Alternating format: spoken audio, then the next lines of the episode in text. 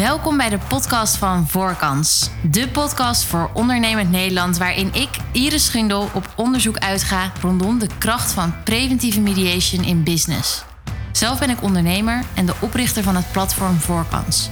Daar koppel ik experts aan zakelijke partijen om het allerbeste van iedere samenwerking te maken.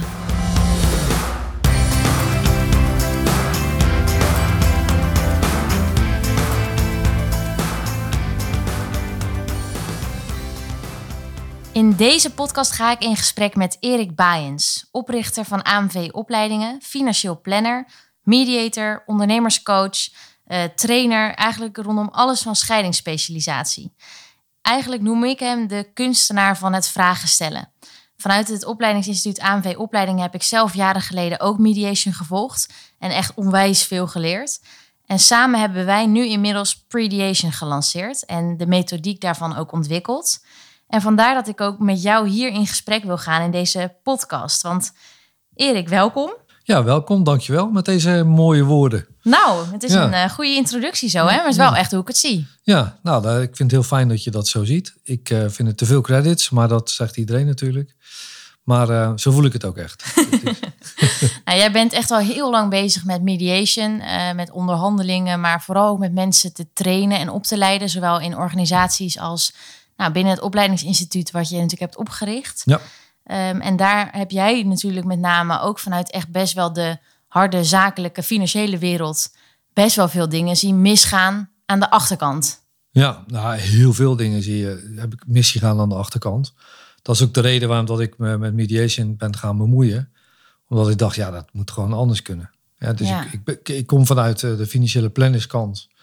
Uh, met name ook aan de echtscheidingskant. Ja. Uh, want er kwamen natuurlijk klanten bij mij die zeiden van ja, ik uh, ga uit elkaar. Maar in het begin had ik geen flauw idee wat, uh, wat, dan, wat je dan moest doen om die mensen toch on speaking terms te houden. Hè, op die, om maar eens op, op die manier te noemen. Ja, je kon niet alleen je dienst verlenen en je advies uitbrengen, maar je moest echt iets met die relatie ook gelijk. Ja, en in de blauwe wereld, zo noem ik het de financiële wereld maar altijd, daar, daar was je helemaal niet gewend om daarover te hebben. Ja. Want dat ging over de cijfers en als het advies goed was, dan was het oké. Okay. En vervolgens zag je het dan helemaal fout gaan.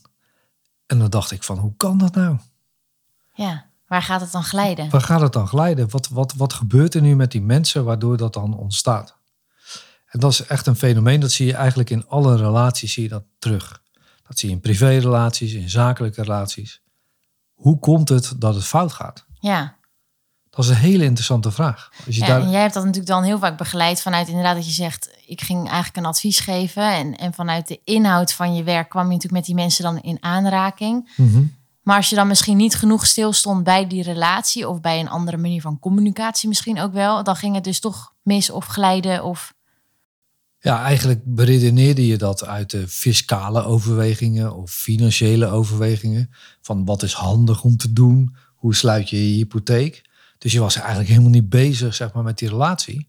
Je was alleen maar bezig met van wat kan ik die mensen bieden zodat ze geld kunnen verdienen op bepaalde stukken. Ja. En dan kunnen beleggingen zijn.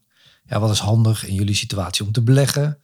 Uh, als je het zo doet, dan heb je nog een fiscale aftrekpost extra. En toen dacht je van, nou, dan ben je de man als je dat gedaan hebt. Maar dat is natuurlijk helemaal niet waar. Maar daar kwam jij wel dan dus al voor, voor het eerst in aanraking met maatwerk. In die zin dat je dus wel echt naar de persoonlijke situatie en belangen moest gaan kijken van de personen waar je dit advies voor uitbracht. Ja, maar toch, als ik daarop terugkijk nu, dan denk ik dat ik nu heel anders tegen maatwerk aankijk als, als toen de tijd eigenlijk. Ja. Want daar werd maatwerk vanuit het product geleverd. Dus je stelde een paar vragen aan een klant en je legt uit hoe die producten zijn opgebouwd en dat was het dan. En eigenlijk zie je daar ook nog wel een stroming in de markt die dat nog steeds zo doet.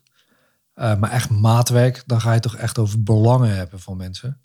Van wat maakt dat je deze keuzes wil maken. Hè? Dus dan gaat een paar stappen verder.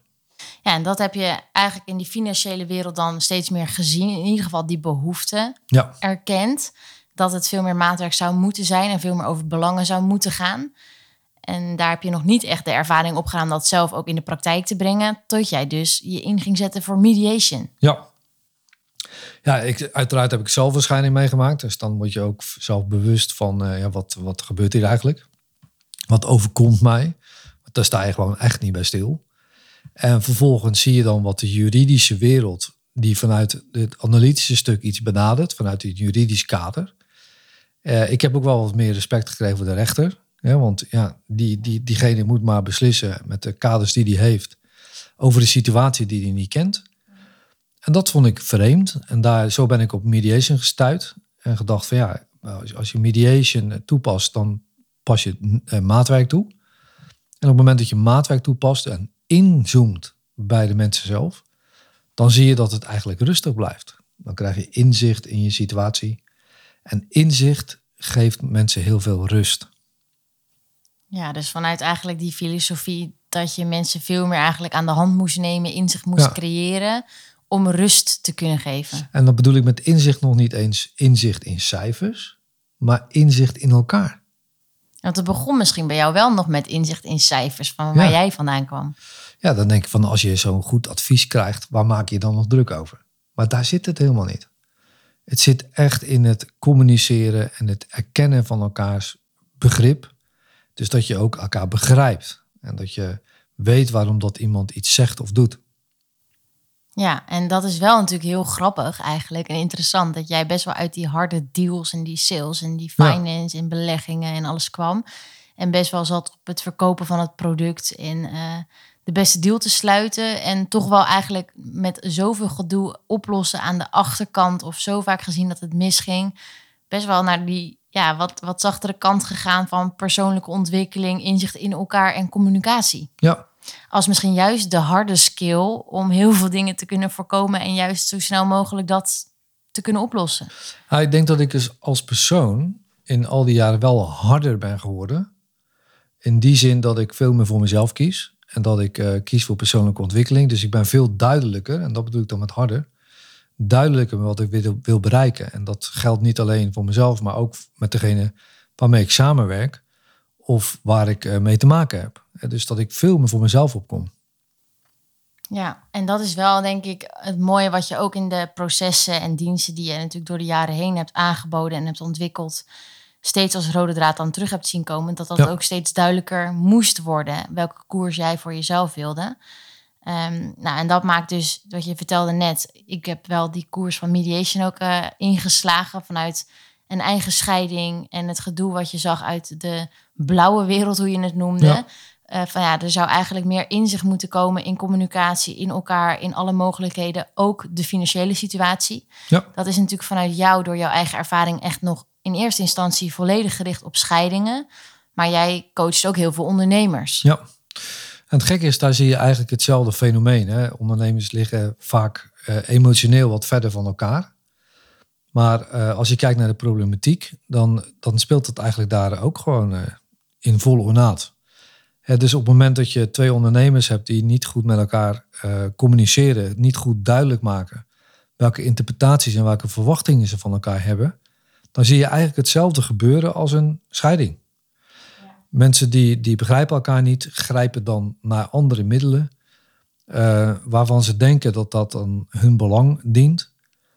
Maar zelfbeschikking, dus het zelf eigen verantwoordelijk zijn voor de keuzes die je maakt, ja, dat is wel heel belangrijk. En daar, die, die bewustwording, dat kan je koppelen aan persoonlijke ontwikkeling, maar ook bewustwording van communicatie, dus hoe je met elkaar communiceert. Ja, en voordat we natuurlijk toegaan in deze podcast naar wat dan prediation dus ook echt is, want daar gaan we nu natuurlijk al bijna naartoe, heb jij dus wel echt die noodzaak gezien waar het dan vaak op misgaat. Dus voor wie dat dan überhaupt zou moeten zijn. Want Waar gaat het dan vaak op mis? Want je zegt ja, het is eigenlijk voor ondernemers en in scheidingen en in alle soorten relaties, persoonlijk en zakelijk, eigenlijk een beetje hetzelfde fenomeen, hetzelfde waar het op gaat glijden. Ja.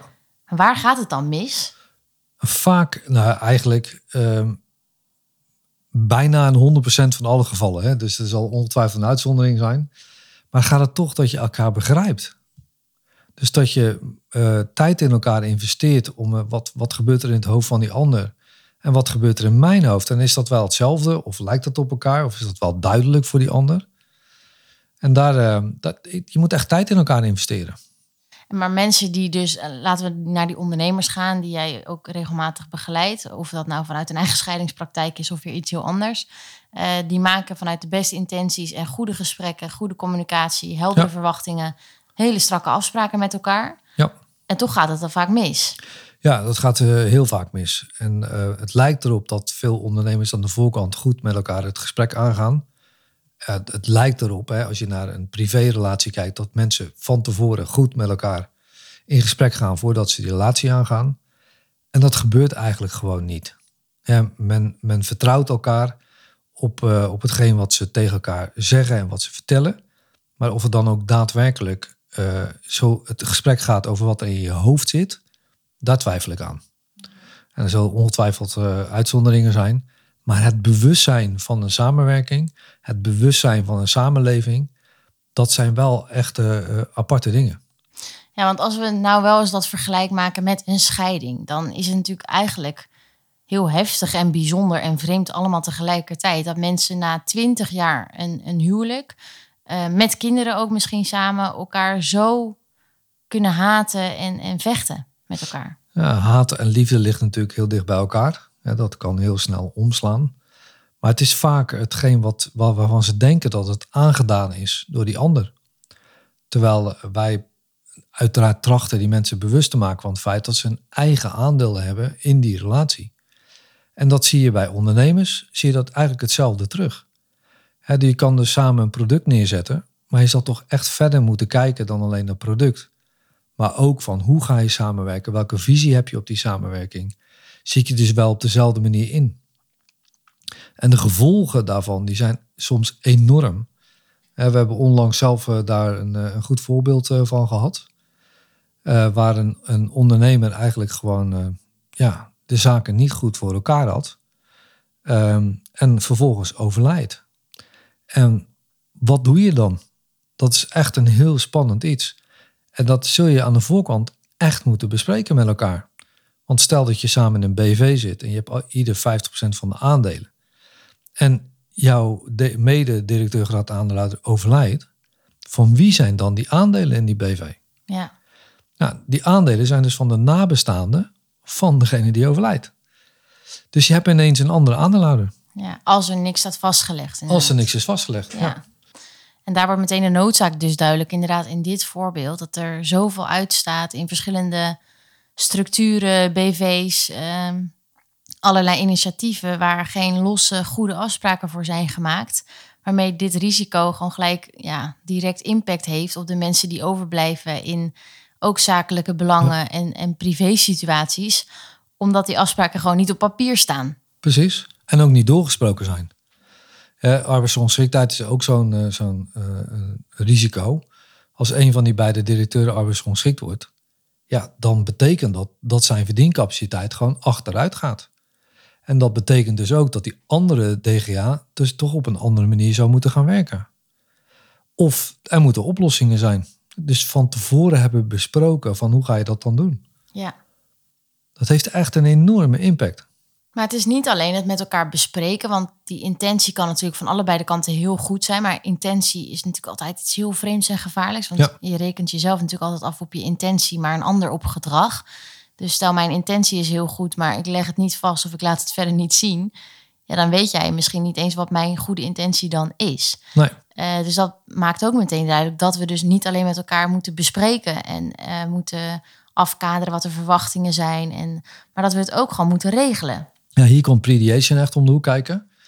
Um, uh, moet je overigens niet verwarren met preventieve mediation, want dat zijn echt twee verschillende onderwerpen. Maar misschien is dat leuk om daar zo meteen even op in te gaan. Maar bij prediation is het eigenlijk zo dat je van tevoren alles met elkaar bespreekt. Dus ook de what-if scenario's. En vooral van wat ga je dan doen met die what-if scenario's? En hoe leg je het vast? Dus dat je van tevoren echt al besluiten neemt van zo gaan we dat dan doen. Nou, en dat is wel mooi de brug die je maakt. Want mediation is natuurlijk heel erg conflict georiënteerd. Ja. Daar gaat het echt van uh, de-escalatie in uh, man-vrouw verschillen tot aan communicatiestijlen. En hoe je dat heel procesmatig en juridisch verantwoord eigenlijk moet begeleiden zonder heel hard te hoeven werken. Uh, preventieve mediation wordt nu door steeds meer mensen natuurlijk in Nederland ook aangeboden. Ja, dat wordt vaak eigenlijk neergezet als als de eerste spanningen ontstaan of de eerste wrijving eigenlijk aanwezig is. Maar om het conflict nog te voorkomen En prediation, wat wij nu hebben ontwikkeld, dat zit natuurlijk nog een stap daarvoor. Ja. Kijk, preventieve mediation is eigenlijk gewoon mediation, maar dan in een vroeger stadium. En prediation gaat echt over het uh, georiënteerd zijn op de relatie. Dus op het beter maken van een samenwerking. Ja. En dat is echt een groot verschil. Uh, dus je bouwt eigenlijk door uh, prediation toe te passen, en dat zit voornamelijk in het evaluerende karakter. Dus dat je niet alleen die afspraken maakt, maar dat je ook na een half jaar, na een jaar, met elkaar opnieuw gaan zitten en gaan kijken van oké, die afspraken die we hebben gemaakt, is dat nog steeds zo? Ja, dat je echt begeleid die APK doet. Ja. Nou, en dat is wel het interessante natuurlijk, dat het bij preventieve mediation inderdaad puur in een vroeg stadium is. Maar wij gebruiken natuurlijk ook mediation technieken, want wij vinden bij prediation natuurlijk ook dat dat wel de vaardigheid moet zijn. Ja. Uh, maar dan inderdaad puur op vaardigheid en niet van uh, conflict georiënteerd, echt nee. naar relatie georiënteerd. Ja. ja, bij mediation heb je natuurlijk over oorzaak en gevolg. Ja, dus uh, vaak zitten de mensen bij jou aan tafel uh, met het, de, de issue van het gevolg. En zal je via een bepaalde techniek naar de oorzaak toe moeten. Oftewel het echte belang, dus de werkelijke belangen.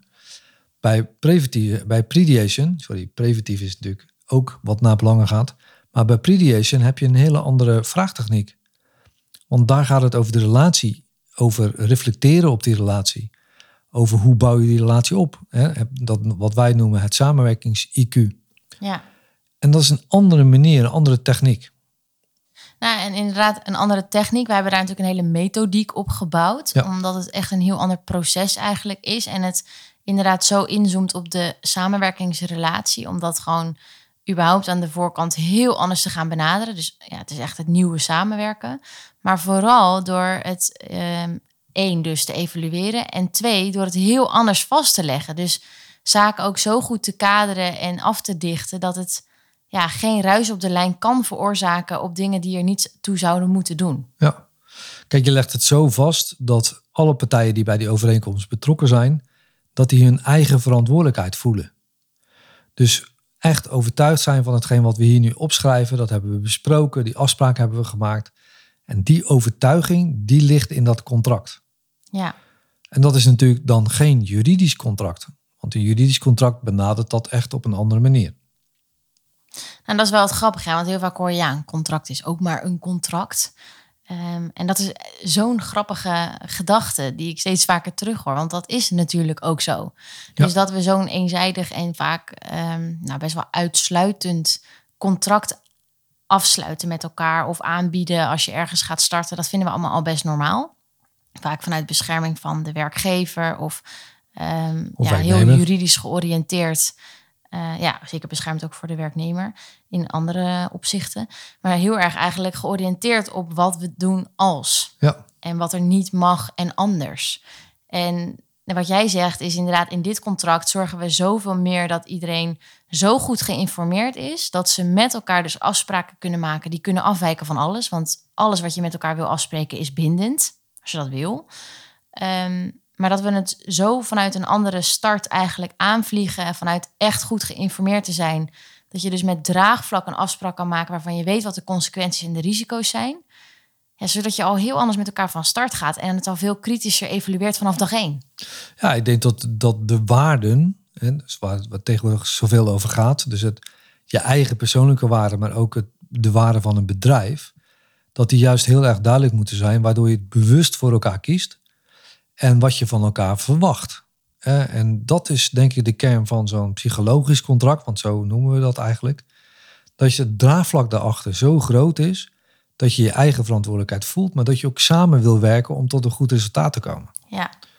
En dat kan natuurlijk nog steeds zo zijn, hè? dat je dat allebei wil en bewuste samenwerking aangaat en dat juridische contract nog puur ziet als, nou, even tekenen bij het kruisje. En dat kan. Ja. Maar wij zien dus echt de toegevoegde waarde van het veel kritischer, bewuster en vanuit eigen verantwoordelijkheid aangaan van die relatie. Om iedere verandering in de toekomst niet als ja, onverwachte verrassing te moeten trotseren. Nee, wat bijvoorbeeld gewoon persoonlijke groei kan zijn van iemand. Je kan niet van iemand verwachten dat hij gewoon uh, 25 jaar op dezelfde functie zit. Dat is in deze tijd niet meer te doen. Ja, dat kan. Ja, maar het is, je ziet het niet heel veel meer. En laat het maar zo zeggen. Ja, in mijn generatie is dat nog wel aan de orde. Ja. Ja, de wat oudere generatie. Maar in de jongere generatie zie je dat gewoon niet meer. Die, die vinden persoonlijke ontwikkeling gewoon onwijs belangrijk. En als werkgever zul je daar toch in mee moeten gaan om je personeel bijvoorbeeld vast te houden. Ja.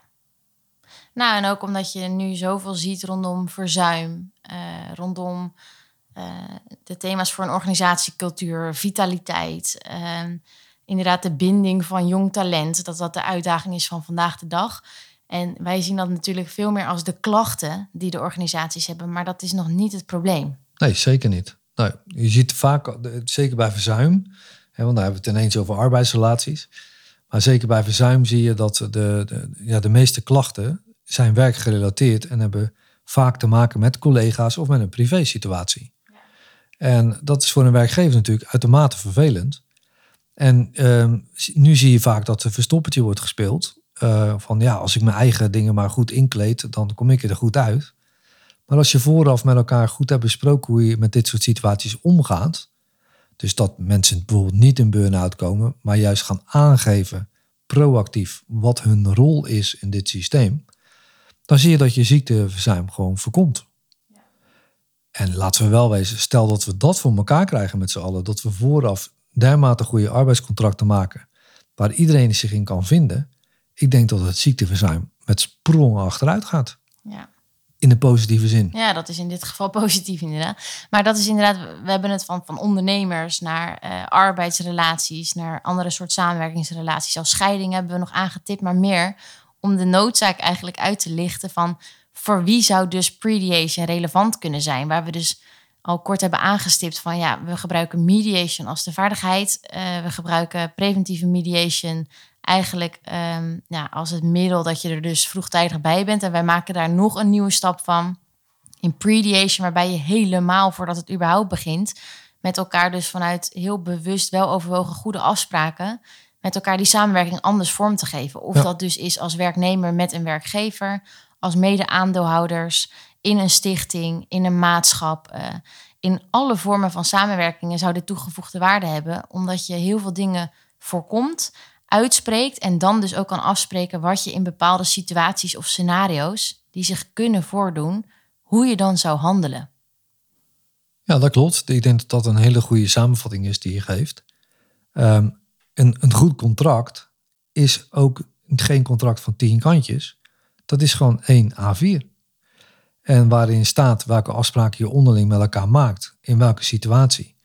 En niet dat er onderin staat van ja, als we het dan een keer niet eens zijn, dan, dat we dan meteen ook naar de rechter stappen. Nee, dan gaan we aan tafel met elkaar, desnoods onder begeleiding. En dan gaan we kijken hoe we daaruit kunnen komen. En als je die contracten goed met elkaar hebt doorgesproken vooraf, dus ook de afspraken vooraf goed met elkaar maakt, dan is die ruimte daar ook. En hoef je helemaal niet naar een juridische kant toe. En dat is de kracht, denk ik, van prediation. Ja, dat je niet, want dat zie je natuurlijk vaak bij scheidingen ook. Dat mensen eigenlijk vanuit de norm die er heerst, je moet een advocaat inschakelen, die eerste stap vaak nemen. Omdat je vaak ook bij persoonlijke relaties natuurlijk de zakelijke kant ja, vaak niet heel goed regelt of vastlegt. Uh, en bij zakelijke relaties natuurlijk de persoonlijke kant weer minder goed vastlegt. Ja. Um, en waarbij je, en dat is wel het mooie, je kan altijd nog naar de rechter stappen. Ja. Als je er nou echt niet uitkomt met elkaar, of als er nou echt iets gebeurt, of er wordt jou echt onrecht aangedaan, of wat de situatie ook is, dan heb je dat altijd als ja, je laatste stop. Maar heel veel opties zitten daarvoor. Ja. En hoe bewuster we die met elkaar aankaarten en ook opschrijven wat we in eerste instantie zouden willen, juist om de relatie nog te bewaken, ja, dat is natuurlijk interessant om met elkaar af te spreken. Ja, is misschien ook wel even goed om dat voorbeeld wat we daar straks gaven, om dat nog even aan te halen. Um, deze ondernemer die had uh, verschillende samenwerkingsverbanden met verschillende partijen dus ook. En die ondernemer die overlijdt. En al die contracten die die dus aangegaan was, die vallen dus in zijn nalatenschap. Dus al die andere ondernemers die hadden in, ineens allemaal een andere contractspartner. En als je dat niet geregeld hebt, dan is dat een heel vervelende situatie. Ja, voor alle partijen. Voor alle partijen, zelfs de samenwerkingspartijen, maar ook degene die die nalatenschap krijgen. Hoe gaan die daarmee om? Hoe weten ze eigenlijk wel dat ze dat, uh, hoe ze daarmee om moeten gaan? Wat zijn de afspraken die daar gemaakt zijn? dat is één grote doffe ellende als je daarover over nadenkt. En dat kan echt heel eenvoudig voorkomen worden. En dat, dat is waar het eigenlijk voor mij, uh, waar mijn drijfveer zit om dit goed neer te zetten. En het geldt alleen niet zo voor, voor relaties in een huwelijk, maar ook relaties in samenwerkingsverbanden met tussenondernemers, maar ook een arbeidsrelatie. Het maakt eigenlijk niet uit. Ga vooraf met elkaar in gesprek. Ja, nou, en dit is wel echt de clue die je nu hier, eh, hier raakt. Het is zo eenvoudig te voorkomen. Ja. Het kan zoveel simpeler en leuker worden gemaakt als je het met inderdaad ja, deze methodiek of, of, of dit vangnet even van buitenaf het gewoon goed laat regelen, het goed laat checken en dingen op papier zet. En wat dan wel de interessante is, is dat heel vaak mensen dan natuurlijk toch reageren met, ja, doen we dan niks meer vanuit vertrouwen? Ja. Ja, dat vind ik altijd. Deze hoor ik natuurlijk heel veel, zeker in de relatie, privé-relatiesfeer. Ik denk als mensen op huwelijkse voorwaarden met elkaar trouwen, dus van tevoren goed met elkaar doornemen van hoe ze bepaalde dingen aanvliegen, dat het vertrouwen dan veel groter is als dat ze op gemeenschap van met elkaar huwen. Want dan zijn ze zich niet bewust eigenlijk van hetgeen wat ze met elkaar afspreken. Wat dus aan het einde van de relatie, wat helaas ook steeds meer voorkomt, dat dat dan juist dan pas wordt besproken en dus leidt tot allerlei frustratie en dus tot wegscheidingen. Mhm. Terwijl je bij huwelijkse voorwaarden vooraf heel duidelijk hebt van wie is wat, hoe gaan we om met de gemeenschappelijke kosten, nou, enzovoort. Dus je legt al die dingen vast. Als ondernemer is dat echt niet anders. Je gaat als ondernemer van tevoren een relatie aan met iemand waar je eigenlijk ervan uitgaat dat het altijd goed gaat. De roze wolk, hè, waar we het altijd over hebben. Maar die roze wolk die verdwijnt op een gegeven moment. En wat blijft er dan over? Hoe sterk is dan je relatie? En bij een huwelijk zie je dan vaak dat de relatie die overblijft nog een ouderschap is. En ouderschap is heel belangrijk dat je met elkaar blijft praten. Bij een ondernemer blijft vaak ook het ondernemersveld over. Dus als we goed uit elkaar gaan, hebben we in de toekomst nog een gelegenheid om met elkaar samen te gaan werken. Op, misschien op een ander niveau die ene ondernemer gaat tegen een andere ondernemer weer vertellen hoe vreselijk het allemaal was om, om met jou samen te werken. Ja, dat wil je allemaal niet hebben. Je moet vrijheid hebben om te, te kiezen met wie je samenwerkt en hoe. En op welke manier. En als het dan niet past, wees dan ook zo reëel dat het dan niet past. Ja, dus eigenlijk zeg jij, het is eigenlijk hetzelfde. Want als er dingen veranderen of het misgaat, dan blijft er altijd iets over. Het zij je kinderen, het zij je ondernemersveld, het zij je, je gemeenschappelijke belangen en samenwerkingen. En eigenlijk zijn dit dus huwelijkse voorwaarden voor zakelijke partijen. Precies. Waarbij je juist vanuit vertrouwen gaat handelen als je de ruis op de lijn voorkomt door het contract niet te gebruiken als het vertrouwen wordt geschaad. Want dat is wat ik vaak hoor van nou, we gaan het aan vanuit vertrouwen en mocht het misgaan hebben we altijd het contract nog. Uh, nou, dat, dat, laat al zien hoe je hem natuurlijk insteekt. Uh, terwijl wij het contract juist andersom gebruiken om het vertrouwen juist te bouwen. Precies, en om de samenwerking te bouwen. En dat, dat samenwerking zit in een huwelijk. In de opvoeding werk je samen met een andere ouder. Bij ondernemers zit het in de samenwerking binnen die onderneming. En hoe beter je dat maakt, hoe meer je met elkaar kunt bespreken, hoe beter het is. Ja. En dat je, dan heb je ook geen ruis op de lijn op het moment dat je het wil verbreken. Kijk, bij prediation kan je van tevoren al aangeven van ja, weet je, we sluiten dit contract voor drie jaar. En na drie jaar gaan we wel kijken of we verder gaan op deze basis of niet. Ja. En als iedereen dat van tevoren gewoon weet, dan is het toch oké. Ja, want dit is wel natuurlijk waar we nu naartoe moeten. Van wat is dan dus prediation? En dat is natuurlijk het merk wat wij met elkaar hebben ontwikkeld, vastgelegd en de methodiek voor hebben opgezet. Waarbij we nou, vanuit verschillende fasen en vanuit een uh, tien stappen model, uh, nou, noem het allemaal op, eigenlijk um, de stappen doorlopen om te komen tot een samenwerkingsovereenkomst met echt draagvlak, echt een duurzaam contract waar mensen dus vanuit eigen verantwoordelijkheid afspraken maken die zij met elkaar willen maken, die dus altijd moeten worden herzien. Uh, als je het lef al hebt om scenario's met elkaar uit te spreken aan de voorkant, moet je al helemaal het lef hebben om die iedere dag opnieuw in twijfel te durven trekken. Daar wordt het ook alleen maar beter van. En Prediation is dus eigenlijk de begeleiding door een expert. Het zij een expert op financiële planning, op verzuim, op arbeidscontracten, op HR, op uh, ondernemers. Um, en nog veel meer. Maar een expert die extern dus dit proces kan begeleiden om heel gelijkwaardig op tafel te kunnen krijgen welke persoonlijke en zakelijke belangen er bij iedere partij spelen. Of het nou tussen klant en leverancier is, tussen twee bevriende ondernemers, tussen twee grote teams, bij een fusie in een maatschap of welke samenwerking dan ook. Om dat met elkaar vast te kunnen leggen in onze vorm. Ja, ik denk dat je dat goed zegt. Ik denk de expert is de key persoon. Ja, want die heb je nodig. Uh, een soort mentorachtige omgeving die je nodig hebt om te zorgen dat je je what-if scenario's goed op orde hebt. Dat uh, alle risico's die uh, met een samenwerking samenhangen, om die te kunnen bespreken. Maar dan niet van wat gaan we doen als het fout gaat. En want in de communicatie bedoel ik dan. Maar vooral van oké, laten we alsjeblieft bespreken dat als de live event langskomen, hoe gaan we dat dan oplossen? Dat is veel belangrijker. Ja, wat is de eerste stap die we dan zouden willen zetten? Precies. En dat is uiteindelijk het uitvloeisel van zo'n contract. Maar in beginsel leg je natuurlijk vast van hoe je het gaat doen. Welke visie hebben wij op de markt? Welke visie hebben wij op de samenwerking? Welke rollen hebben we dan binnen die samenwerking? Welke afspraken gaan we daarover maken? Dus hoe werkt het met, met waardecreatie? Hoe werkt het met tijd? Hoe, welke planning gaan we maken? Dat zijn natuurlijk ook wezenlijk belangrijke afspraken. En vervolgens kunnen er door die afspraken heen allerlei zaken zich uh, ontwikkelen.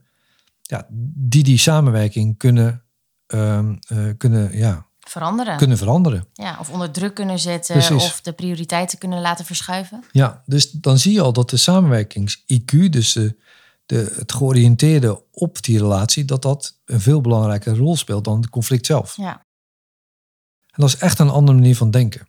Ja, en de reden dat je daar met eigenlijk een expert echt aan de slag moet gaan, is omdat je vanuit die afspraken, die, die waarden, hoorde ik jou zeggen, rolverdelingen, um, natuurlijk alles kan afspreken wat je wil, maar het natuurlijk wel haalbaar moet zijn en het moet ook kunnen. Het moet juridisch natuurlijk wel ook altijd kloppen. Ja. Dus vandaar dat er wel iemand met die expertstatus eigenlijk aan de zijlijn dat vangnet moet kunnen bieden. Eén dus om gelijkwaardig de belangen van alle partijen echt te kunnen behartigen. Want je luistert toch vaak iets autobiografischer dan je van jezelf hoopt.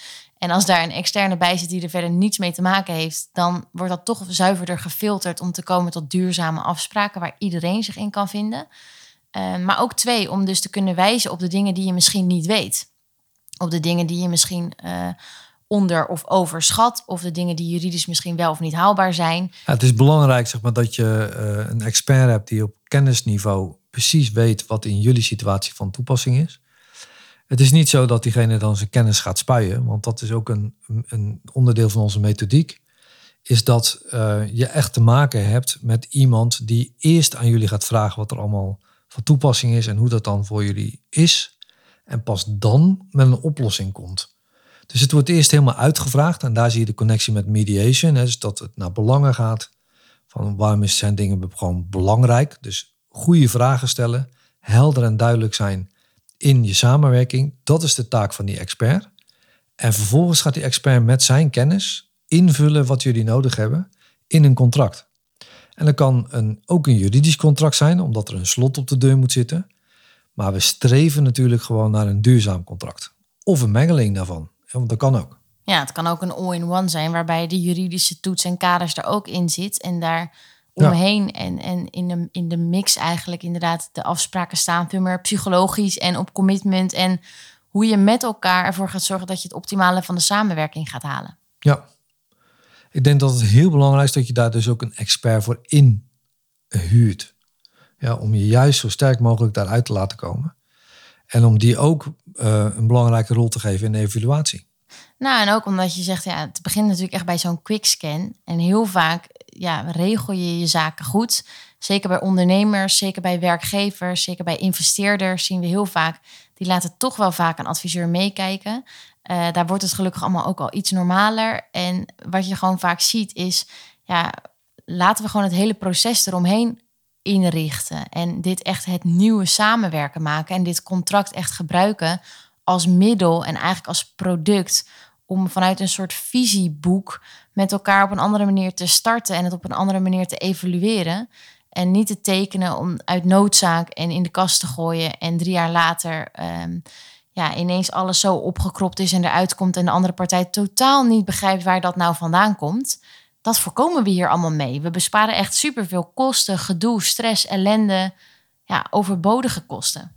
Ja, eigenlijk lopen hier de, de kosten eigenlijk voor de baten uit. Hè? Dus je, je investeert eigenlijk vooraf uh, in een expert die je eigenlijk van allerlei dingen behoedt. Uh, maar vooral ook zorgt dat je samenwerking verbetert. En als je samenwerking verbetert, dan verbeter je ook het resultaat van je onderneming. Want iedereen gaat dezelfde kant op. En uh, dat gaat ook in teams. Dat werkt niet alleen met twee ondernemers, maar dat werkt ook in teamverband. Ja. Als iedereen weet wat ze uh, van elkaar kunnen verwachten, wat de interpretaties zijn en wat de aanvullingen zijn in zo'n team, dan zou je zien dat zo'n team echt in de flow raakt. Ja, een team is nog echt iets anders dan een groep mensen. Ja, ja dat is zeker waar. Ja, en uh, wij, wij, geven wel eens uh, in company trainingen op dit gebied. En dan zie je vooral dat uh, bepaalde teamleden als concurrent worden gezien. Ja, op het moment dat dat speelt, dan, dan gaat er iets niet goed in een team. Dus je kan heel veel beter kijken van wat, welke synergie kan ik bewerkstelligen in zo'n team. Door te laten zien dat, dat ze elkaar allemaal nodig hebben. Alleen misschien op een ander vlak. En dat niet alleen die commerciële uh, belangrijk is voor zo'n afdeling. Maar ook juist degene die dat commerciële uh, opdrachten, dat die, dat die die verwerkt. Op een manier waarop het ook de dienstverlening van die klant centraal staat. Dat is synergie creëren. En als je synergie creëert, dan gaat het hele team voor hetzelfde doel. En dan krijg je resultaat. En hoe meer dat gezamenlijke doel met elkaar dus bepaalt, dus dat je laat zien dat echt iedereen nodig is, dan is het dus niet dat we van iedereen maar moeten verwachten om in het grote plaatje te denken, of, maar wel om heel duidelijk kaders te hebben wat iedereen zijn rol is, iedereen zijn toevoeging en daarmee dus ook eigen aandeel is. Ja, om heel anders met elkaar te kunnen signaleren, er veel vroegtijdiger bij te kunnen zijn als er dingen schuiven, veel meer een vangnet te zijn met elkaar als er dingen veranderen of spelen. Live events hoorde ik jou ook al noemen, Erik ja, dat is eigenlijk gewoon het hele proces van prediation, wat wij dus zien daarom als het nieuwe samenwerken. Want ook die gedeelde visie, waar het natuurlijk allemaal mee, mee staat of valt. Heel vaak denken mensen dat het vanuit een gedeelde visie wordt gezien of gestart of opgebouwd in een team, bij ondernemers, in allerlei verbanden. Maar de visie op de markt is nog iets anders dan de visie op de samenwerking, is nog iets anders dan de visie op dit contract, dan de visie op de groei. Ja, en die dingen uitklaren aan het begin is natuurlijk ook gewoon echt heel leuk. Ja, en is heel ingewikkeld ook, maar onwijs leuk om te doen. En je kan natuurlijk ook afspreken met elkaar dat je voor sommige verrassingen nog steeds wil komen te staan. Maar wat doe je dan?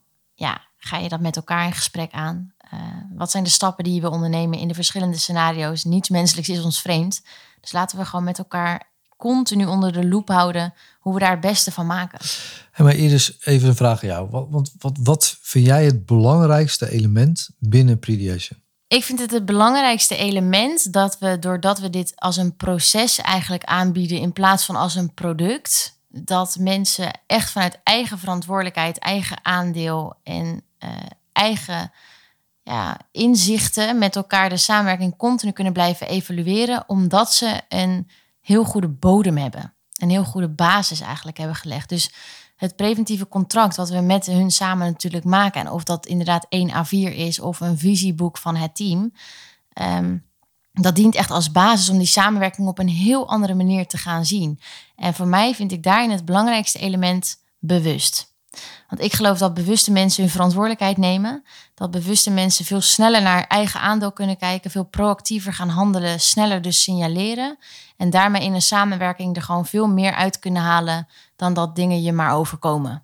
En dat vind ik de kracht om aan de voorkant met een expert de zaken niet alleen uit te spreken en op tafel te krijgen. Niet ook alleen nog het lef te hebben om verschillende scenario's echt eens even stevig aan de tand te voelen. Maar dat ook nog met elkaar op papier te krijgen. Ja, dan ben je voor mij gewoon next level aan het samenwerken. Ja, nou, dat onderschrijf ik totaal. Uh, ik, ik, denk, hoe meer je met elkaar communiceert, hoe beter je elkaar begrijpt. Want dat is voor mij het kernthema.